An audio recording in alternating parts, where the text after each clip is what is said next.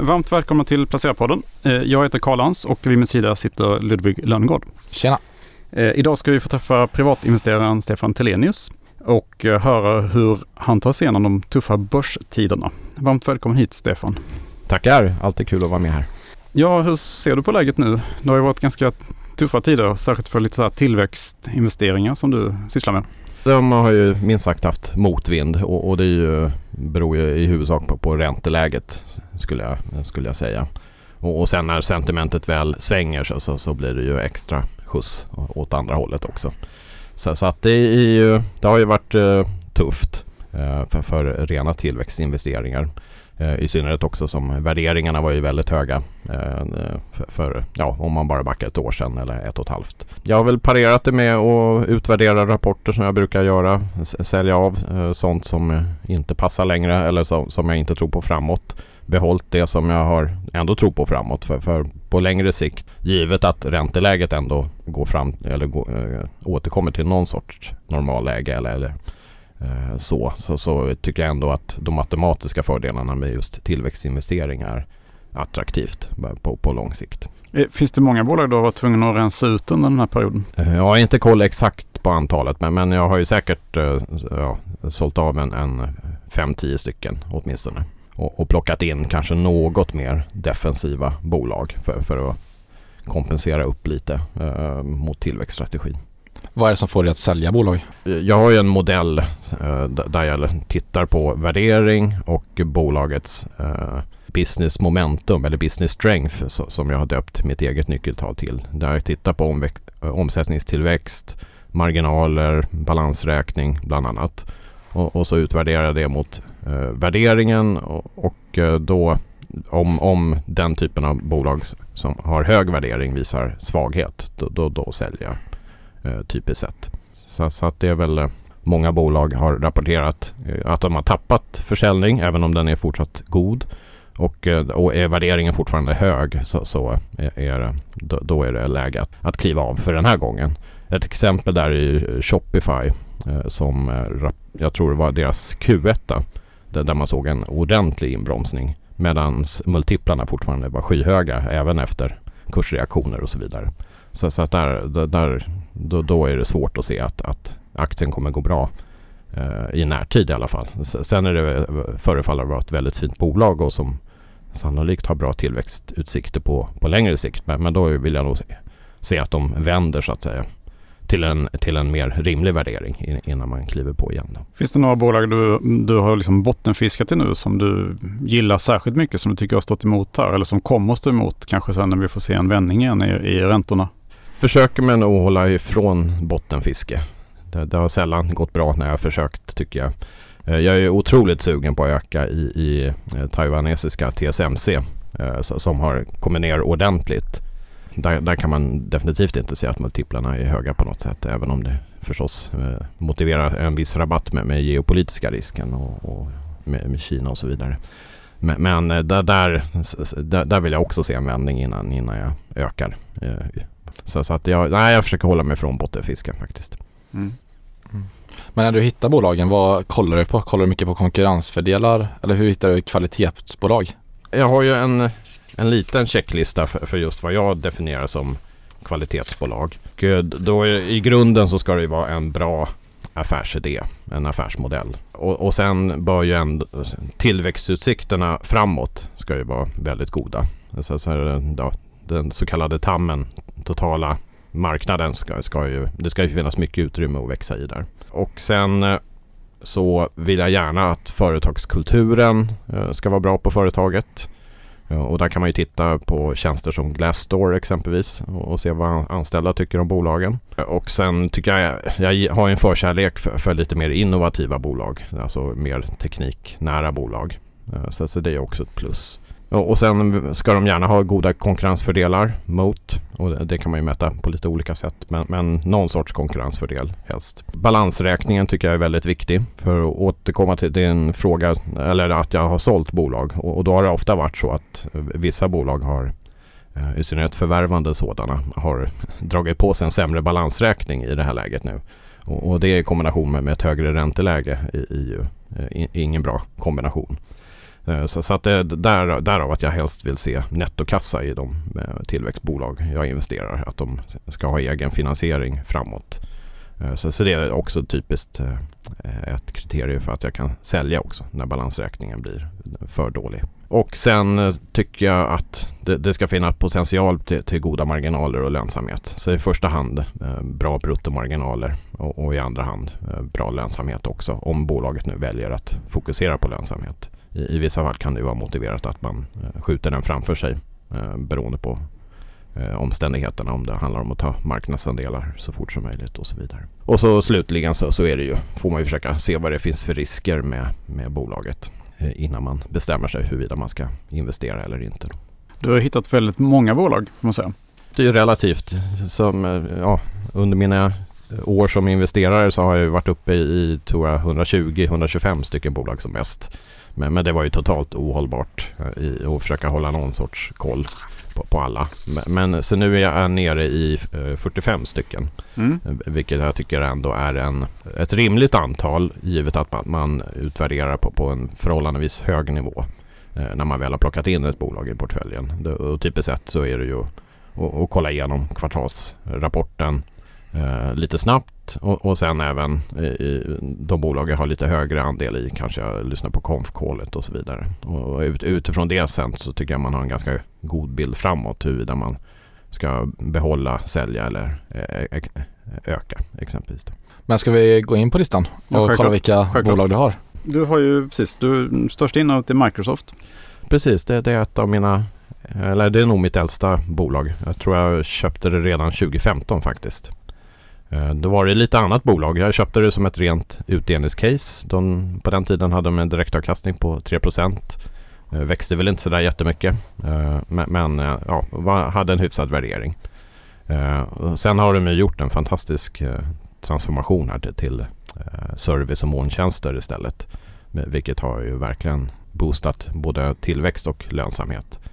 Tyvärr har jag väl skalat av innehavet under årens, årens lopp här. Men jag har ju en otroligt bra totala Det, det är väl klassiska felet man gör med bolag som går bra. Att man kanske säljer av det och köper något som inte går lika bra. Precis och, och eh, i och med att jag är relativt försiktig ändå med, med att ha stor, för stor fokusering så, så, så, så, vill jag ju inte ha uh, en jättestor andel av ett enskilt bolag oavsett. För allt kan ju hända. De kan ju eh, slå till med ett dåligt förvärv eller, eller ja, något annat regulatoriskt kan inträffa eller något som man absolut inte kan förutse. Eh, så, så att jag har väl jag, jag, har svårt att tro att jag kommer gå över 10% i något enskilt bolag på totalen. Så, så att det är väl när Microsoft har nått upp dit som jag har skalat av lite. Eh, men, men med facit i hand så har det ju varit ett dåligt beslut. Absolut. Men, men då får man ju se till risken man har tagit under perioden också. Och näst största innehavet är ju Fortinet, cybersäkerhetsbolaget. Hur tänker du kring det bolaget? Ja, nej, men de, de har en, en, bra historik av, av, både lönsamhet och tillväxt. Man kan ju argumentera för huruvida det är dyrt eller billigt men, men nu är det ju klart mindre dyrt än vad det var för ett år sedan i alla fall. Och de har en bra position på cybersäkerhet. För, förutom enskilda bolag så, så, har jag ju lite tematisk strategi. Att jag vill ju eh, exponera mig mot eh, bra megatrender och, och eh, och liknande. Och, och cybersäkerhet känns det som en, en bra megatrend att, att vara exponerad mot.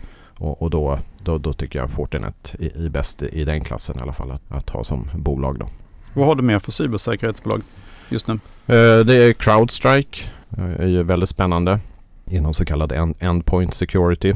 Eh, och, och, som är kanske, ja nu kan jag inte, jag har ju inte så pass bra teknisk kunskap att jag kan jämföra dem rakt av Fortinet och Crowdstrike. Men, men de är, det är lite nyare bolag, har sannolikt något mer innovativa lösningar. Eh, så, så att det, det, är ett case. Fortfarande kanske lite dyrt men, men de eh, växer ju otroligt bra. Och skulle kunna vara lönsamma om de hade valt det. Dessvärre så, så är det väl eh, så att de har en, en stor del sådana här stock-based compensations som, som de brukar ha. Ja, precis. Ja. Och, och det, det är ju det kan man ju säga vad man vill om men det, det, i slutändan så, så är det ju sällan en fördel för aktieägarna mm. Eh, att, att det finns ett sådant stort program. Men, men det, det, är för spännande bolag och de växer så pass bra så, så att de förtjänar ändå en, en topp 10 position i mm. Du, du, har, du äger inte Palo Alto förresten? Eh, nej, det, de, har, de, de brukar ju ofta finnas i de här sammanhangen. Men, men det, nej, det, jag har valt Fortinet istället eh, i den genren.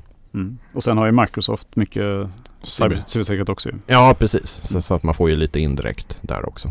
Och sen är det ju att det inte är så cykliskt heller utan cybersäkerhet är något man liksom behöver ha konjunktur. Ja, sannolikt så och eh, sen som jag har förstått det så är det väl lite underinvesterat där också för, för många bolag. Eh, så, så att det, det finns ett uppdämt eh, investeringsbehov skulle jag tro också globalt sett. Och sen har du Mastercard också som nummer tre. Precis, det, det är ju på avdelningen konkurrensfördelar eh, i någon mening. De, de har ju verkligen infrastrukturen inom betalningar tillsammans med Visa. Eh, men, men anledningen till att jag har valt Mastercard istället är väl att de är något mer globala som jag har förstått det än Visa. Visa har ju en större USA-exponering. Eh, så. Och sen till, så på marginalen så, så förefaller de vara något mer innovativa också. Så, så, men, men annars så tidigare så har jag ägt båda två. Men, men, men nu har jag valt att, att eh, fokusera på, på Mastercard istället. Mm. Du äger ingen sån här BNPL-bolag? det kan jag väl inte påstå. Det, det är väl, ja, det, eller ett annat eh, bolag inom betalnischen är ju Adyen i alla fall. Så, som också gör eh, vital infrastruktur för betalningar.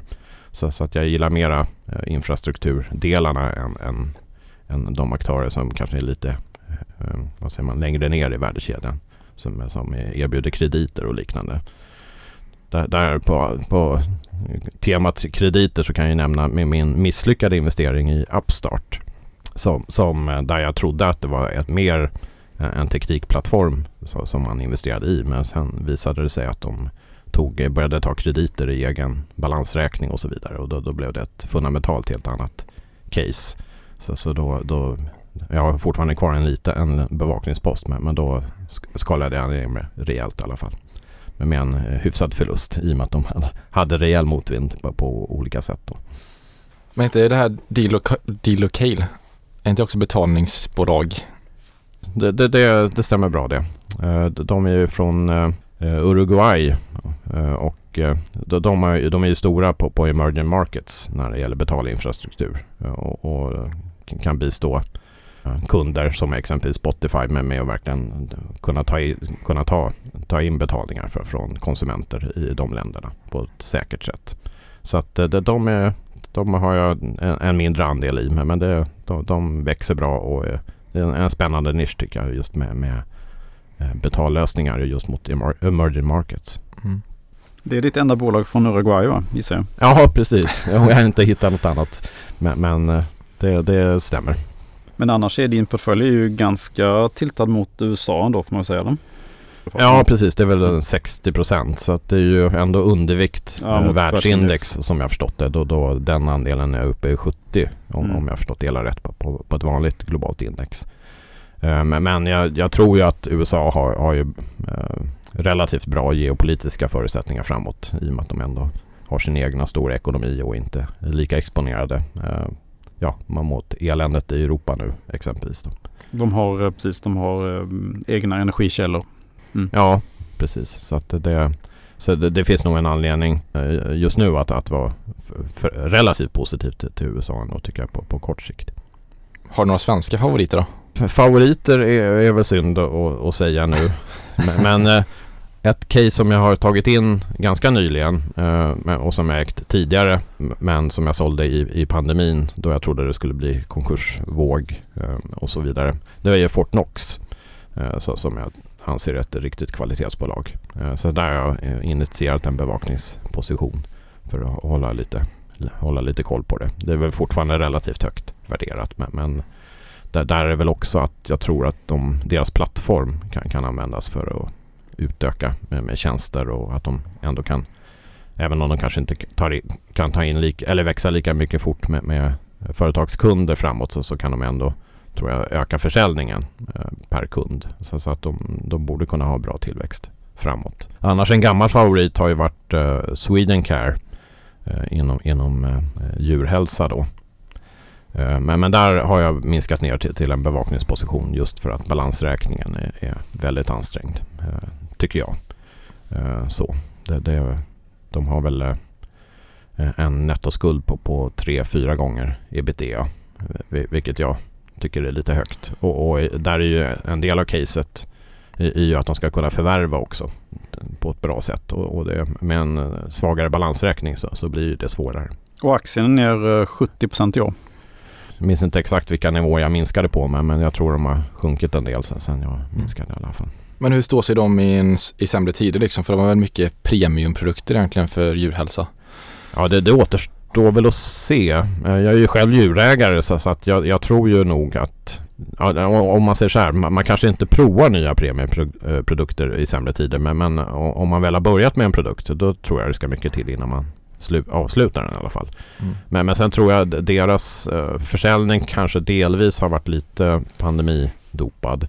Så, så att det finns ju risk för, för att det blir lite motvind eh, globalt sett på kort sikt. Men, men på lång sikt så, så är det ju en, en stark megatrend med, med husdjursägandet eh, eh, och synen på husdjur. Så att eh, de, de kan nog repa sig tror jag här. Men, men det, just nu tror jag så, så, eller åtminstone så väljer jag att, att uh, avvakta och ha låga bevakningsandelar. Du äger ju Suetis också, så jag är lite högre upp här. Eh, ett amerikanskt bolag inom, inom djurläkemedel framför allt. Eh, och, och de, de, de eh, växer på bra och, och de, de, är ju hyfsat diversifierade med, mot, mot alla, ty, alla typer av djur också. Så, så att det de, de får ändå ligga kvar på, på nuvarande andel. För, för de har inte visat någon form av svaghet fundamentalt sett i alla fall. Så, så att de, de är jag nöjd med som de är i, i portföljen. Här. Jag ser också att du har Intuitive Surgical här som även jag har. De kommer med riktigt bra rapport här. Uh, hur tänker du kring dem? Ja, nej, men de, de har väl en väldigt stark ställning inom robotkirurgi och det, det, är väl också en sån här megatrend som man vill vara exponerad mot. Och, och där har jag inte hittat riktigt några alternativa investeringar heller. Jag har ju förstått att det finns konkurrenter och, och Medtronic exempelvis har, försöker satsa hårt på, på robotkirurgi men, men det, det, är ju, de är väl inte riktigt där Intuitive är idag tror jag. Mm. Så, så, att, eh, så, så det, det är väl ett en exponering mot, mot den megatrenden helt enkelt. Och, och sen förefaller ju bolaget vara, uh, ha goda kvaliteter på alla sätt och vis. Och, och nu, nu, kan man ju tänka sig att det finns ett lite uppdämt behov av den typen av kirurgi också. Så att då borde de ju kunna kanske klara även lite sämre eh, global konjunktur uh, på marginalen bättre här. Framåt. Har du kikat på svenska SUS? Surgical Science? Mm, ja, nej, inte sådär i detalj de gånger jag tittar på det så det verkar vara intressant men, jag tänker de är ändå lite Ja, de har väl inte varit så här jättelågt värderade de heller. Det, Intuitive är ju jättedyrt uh, av en anledning men, men de, de Ja, nej de, de, är helt klart intressanta men jag har inte grävt tillräckligt djupt för, för att mm. fatta något beslut om jag ska plocka in dem eller inte. Ja, man skulle liksom kunna se dem som en hack och spade till hela robotkirurgibranschen. De har ju ja, precis. den mjukvarudelen av... Ja, precis och de, de, har väl fler kunder än Intuitive. Eller de, de, de kan väl fler system än Intuitives mm. om man säger så. så. så. på så sätt kan det ju vara intressant exponering. Mm. Absolut. Och så har du även några chipbolag också. Både TSMC och Nvidia. Halvledar halvledarsektorn vill jag ju definitivt ha en långsiktig exponering mot. Då, då ändå det är ja, vår, vår tids olja brukar man ju säga. De, de här mest avancerade chippen. Så där har jag försökt plocka ut de, de bästa bolagen i, i genren. Och då, då är det ju TSMC framförallt när det gäller tillverkningen då. Eh, och sen även eh, holländska ASML så, som i princip har monopol på en del utrustning som krävs för att tillverka de här mest avancerade chippen. Och sen Nvidia tyckte jag, de hade ju mycket spännande produkter inom AI och lite annat. Eh, värderingen var, var, väl, har ju varit hög under längre tid men, men de, de känns ändå som en, eh, ja, så pass innovativa så att man vill ha en, en liten exponering mot dem. Men, men, även om de har som sagt tagit väldigt stryk i närtid här då. Nej men du har även Enf både Enfis Energy och eh, SolarEdge. Hur går tankarna där? Ja, nej, men det, det, är ju en exponering mot grön energi eh, och, och energiomställningen framförallt. Och, och de, lyckligtvis har jag ägt dem under, under många år faktiskt. Eh, eh, så, så att de, de, har ju presterat väldigt bra under den här tiden. Och, eh, ja, de, de är ju högt upp i värdekedjan när det gäller eh, solenergi. Och det, det, med rådande energipriser så, så är det ju verkligen en, en no-brainer att investera i den där typen av teknik eller anläggning. Eh, så, så, att de har ju gynnats ordentligt här under detta år. Och, och så, så, att, då, det, det, att jag har båda är väl just för, för att de är väl i någon mening eh, ledande. Eh, åtminstone i USA då. Så, så att jag, då väljer jag att exponera mig mot båda. Har du någon favorit bland dem då? Ja det är en face så, som har bett, äh, bättre tillväxt, bättre marginaler och, och förefaller ja, utifrån mina lekmannakunskaper då vara lite mer innovativa också när det gäller smarta appar och, och, och, så vidare. Och, och så gillar jag att de är, har en stor äh, jag tror de är lite större i USA än SolarEdge även om båda två har väldigt stora marknadsandelar där. Så, så att det är en bra bas att stå på och, och nu expanderar Enphase eh, ordentligt i Europa här. Och, eh, så, så att det ju, eh, finns ju goda tillväxtmöjligheter för bolaget där. Mm, spännande. Jag ser att du har en indisk investering. Precis, banken HDFC det, det är min enda bank överhuvudtaget. Eh, och det, det är väl ett eh, ja, indirekt spel på, på Indiens eh, tillväxt. Så, så att det är ju ett det är ju en bank som växer ja, 15-20 procent årligen. De är, ja, om, om, man tittar på multiplar så är det väl allt annat än billigt. Men, men det är ju det är, det är få banker som växer så pass. Och de har ju en, en väldigt bra ställning i Indien. Så, så att det är väl någon sorts indirekt exponering mot indiska marknaden helt enkelt. Och sen har du Mercado Libre och Si här så också. Precis, de, de har jag haft eh, betydligt uh, större andelar i än vad jag har nu. Nu är jag nere i, i 2 Mercado Libre och Si har väl uh, har jag både sålt av och den har väl sjunkit till 1 här. Så, så, att det, det är väl e-handel i emerging markets så, så, som är temat där. Uh, att jag minskat i Mercado Libre är för att de har dragit på sig lite sämre balansräkning. Så, så att då, då vill jag minska risken där. Och, Si har, har väl haft ja, de, de, har ju de har väl inte varit lönsamma på, på totalen eh, någonsin tror jag. Så, så att det, det, är väl framförallt eh, att de, de får, jag vill gärna se att de jobbar lite mer på den fronten in, innan jag ökar upp i dem igen mm. då. Sen har väl Si gamingben också. Precis, det är inget renodlat e-handel-case utan det, det, är en stor, stor exponering mot, mot själva gaming eh, benet i bolaget där och det, det är ju mer, det, det, är ju väldigt volatilt. Mm. Så, så, att det, det, det, är väl lite minus också där om man jämför med Mercado Libre så, som är mer renodlad e-handel och, och finansiella eh, tjänster. Mm. Ditt minsta innehav det är ju eh, Babylon Healthcare. Precis. Det, Sorg, sorgbarnet kanske? Precis, det, det, det, det jag, vet inte. det är nästan pedagogiskt bra att ha kvar det caset ändå i portföljen. Även om det är nästan försumbar andel nu då i och med att jag tror jag ligger med minus 90 procent eller någonting på den investeringen. Och, och det började ju så, så, som ett, eh, ja, ett spännande innovativt eh, investering så att säga på, på det här med eh, e-hälsa och e, e-doktorer och e-tjänster och så vidare. Men det, som har varit problematiskt med den aktien är väl att dels så tror jag free floaten är extremt låg. Alltså det är väldigt få aktier som är noterade. Så, så, att den, den var ju svängig till att börja med och sen, sen har den, nu har den ju svängt neråt under, under många, eh, under lång tid här. Mm. Men, ja, nu har jag så pass liten andel så, att uh, det, det, kan ju ändå vara pedagogiskt bra tycker jag ändå att följa den framåt här och, och uppsidan borde ju, kan man ju tycka borde finnas där. Eh, även om man, det, problemet är väl att de, de, har väl, de behöver ju finansiera sig och så vidare. Men det har de väl precis lyckats med som jag har förstått det. Så att de har väl fått en liten, en liten uppstuds här nu. Men eh, ja, nej det, det, det, det så, som tur var om man ser i absoluta kronor så har det inte varit så eh, farlig förlust. Och, och, det är väl något man kan ta med sig som lärdom att just när det är mer eh, bolag med, med kanske svagare kassaflöde och lite mer förhoppning inbakat så, så är det ju tror jag bra att börja med en förhållandevis liten position. Har du någon strategi annars om en aktie faller väldigt mycket att du ändå minskar ner i den och till slut säljer den kanske? inte att den, att den bara minskar. Jag har ingen så här stopp-loss-system eller att kursen sjunker si och så mycket. Det, det kanske man borde ha eller haft med facit i hand. Eh, men, men det är framförallt att jag utvärderar rapporterna och agerar utifrån det. Då. Och i Babylons fall så har väl de, de har ju fortsatt vuxit väldigt bra och guidar bra i, i tillväxt. Eh, sen har väl då marknaden eh, tyckt att, att, eller dels har det väl det här allmänna sentimentet för tillväxtbolag att det har svängt och, och sen den låga free floaten och, och sen kanske man såg att finansieringen inte kommer räcka utan att, att det skulle behövas någon form av emission.